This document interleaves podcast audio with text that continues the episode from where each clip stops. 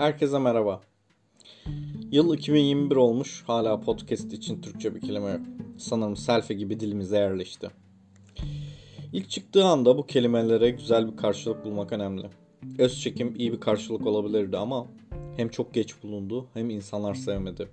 Kimse öz çekim çekelim veya öz çekim mi yapalım demedi. Diyenler de zorla yaptı. Veya zorlama yaptı öyle söyleyeyim. Öz çekim kendi başına bir şey ifade etmiyordu. İlla peşine bir fiil istiyordu. Selfie çekelim deyince insanlar hemen bir araya geliyor. Öz çekelim deyince hem kakafoni oluşturuyor hem bizim insanımızı yoruyordu. Bu gibi sebeplerden öz çekim artık üvey evlat. Giriş yapayım derken konu nerelere geldi gidiyor derken biz konumuza geri dönelim. Bu hafta ne izleyeceğiz?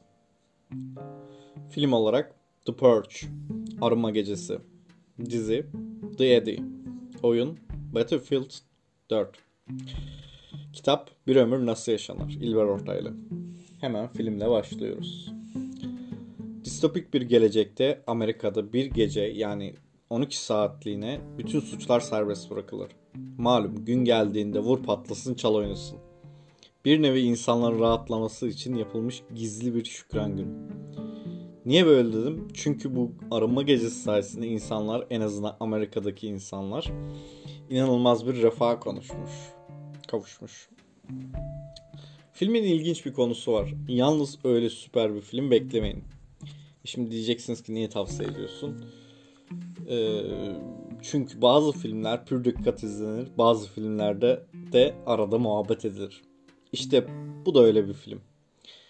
Arada muhabbetinizi edersiniz. Çıtır çerez, çerezini yersiniz. O tür zaman akıp gider. Ayrıca beğenirseniz devam filmi hatta dizisi bile mevcut. Şimdi de diziye geçelim. The Eddie aslında tam bir dizi değil. Kendisi bir mini dizi. Eğer caz müzik seviyorsanız cumburlop atlamanız gereken bir dizi. Kahramanımız Eddie, Paris'te bir caz, caz kulübü sahibidir. İstemeden bir takım karanlık işler kendisine bulur. Zaten tonla derdi vardır. Kızı bir yandan müzik grubu, bir yandan böyle karman çorman bir hikaye. Türkiye'de birisi caz kulübü işletiyor olsa kesin zengin zevk sahibi birisidir diye düşünürsün. Edi de zevk sahibi ama maalesef gariban. Meteleye kurşun atıyor. Bir tane dandik skuturu var arada yolda bırakıyor. Böyle yokları oynayan bir adam. Eğer Fransız filmlerinin moduna alışıksanız bu dizi sizi fazla yormaz. Ama sürekli aksiyon bekliyorsanız bu diziyi geçiniz efendim. Valla ben beğendim. Size de tavsiye ediyorum. Battlefield 4. Aslında Battlefield 4 demem lazım. Ama genelde böyle şeylerin ucuna sayıyı Türkçe olarak okuyup ekliyoruz. İkinci Dünya Savaşı ile ilgileniyorsanız kaçırmamanız gereken bir oyun. Evet, Battlefield 4'ten bahsediyorum. Hem hikaye modu sayesinde hem online modu sayesinde uzun saatler başından kalkamayacaksınız. Hele hikaye modunda bir tank kumandanı hikayesi var ki enfes. Gerçi bütün hikaye modundakiler film gibi hem konusu alıp götürüyor hem oynanışı çok zevkli. Bir hikaye modunu illa tek şekilde bitirmek zorunda değilsiniz. Çeşitli değişik yöntemlerle görevlerinizi geçebiliyorsunuz. Online mod çok daha keyifli. Tank, uçak, top, tüfek ne varsa kullanabiliyorsunuz.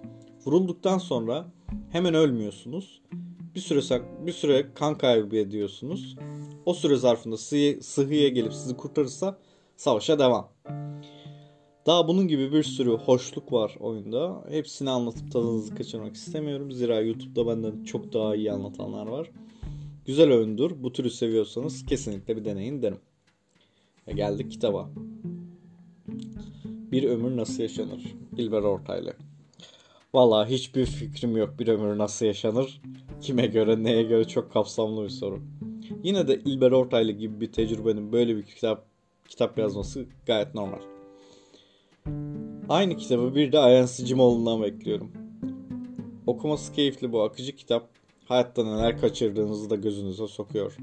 Örneğin okul, dil vesaire gibi işleri 25 yaşına kadar bitirin diyor İlber Ortaylı.